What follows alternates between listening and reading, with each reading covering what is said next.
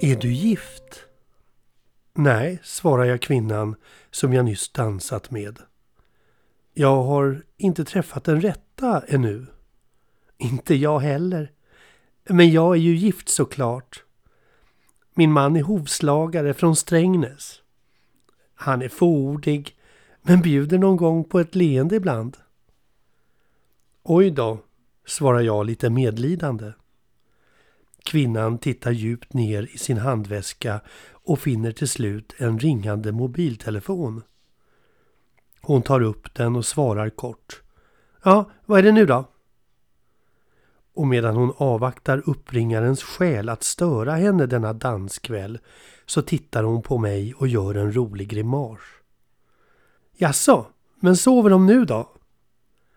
Okej, vi kan prata om det imorgon. Hon avslutar samtalet utan att ens säga hej då eller puss. Och jag får då hela situationen klar för mig. Mannen är hemma med barnen och ogillar hennes utekvällar. Det var Olle. Han tror att han äger mig. Precis som alla karar. Så fort man är gift så gör de en med barn och sen är man ägd. Jag tar en klunk ur mitt ölglas och stoppar in en snus. Va? Snusar du? Usch, det får inte min man göra för mig. Jag tycker det är skitäckligt. Så du bestämde det då? Vad då? Att han inte skulle snusa? Hon är nog väl medveten om vad jag är ute efter och tar ett djupt tag i väskan och fiskar upp ett paket cigaretter. Mm, jag ska bara ut och ta ett bloss. Vänta här. Och jag försjunker i mina tankar på hennes man Olle som just nu sliter hemma med barnen och på Ulla som är ute och dansar. Han som svartsjukt bevakar henne via sin mobil och hon som beslutat att hans nikotinintag ska stoppas. Äger de egentligen varandra?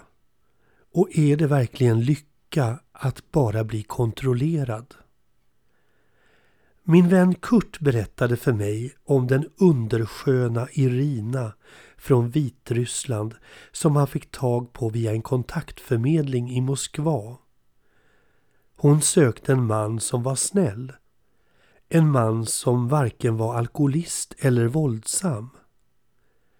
Kurt passade utmärkt in på den beskrivningen men avblåste ändå sin förening med den vackra Irina.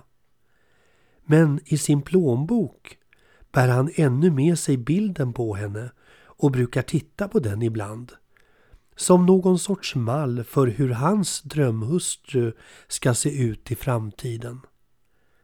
En drömhustru eftersom han enligt henne motsvarade alla kriterier för att vara en drömman. Ulla återvänder till bordet. Hon luktar rök från cigaretten och plockar nervöst med sin handväska. Vad jobbar du med då? Lite av varje faktiskt. Som vad då till exempelvis? Äktenskapsrådgivare. Va? Är det sant? Nej, jag bara skojade. Men du borde nog ringa en äktenskapsrådgivare och boka en tid. Va? Vad menar du? Du verkar ju ha lite problem med din och din mans relation. Du ska inte tro att jag var ute efter något eller så. Okej. Okay. Du är inte så snygg heller. Du är verkligen inte så snygg som du tror.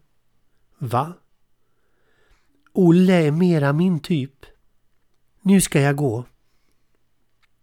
Och när hon reser sig från bordet så ser jag en rasande svartsjuk man som spanar in i lokalen. Ulla! skriker han och Ulla skyndar fram till honom med små trippande steg på de höga klackarna. Olle! Hon kastar sig i hans armar och kysser honom. Det hela ser ut som en scen tagen ur någon sliskig Hollywoodfilm. Och själv skyndar jag mig därifrån. innan jag åker på stryk. För Olle, han var en muskulös typ.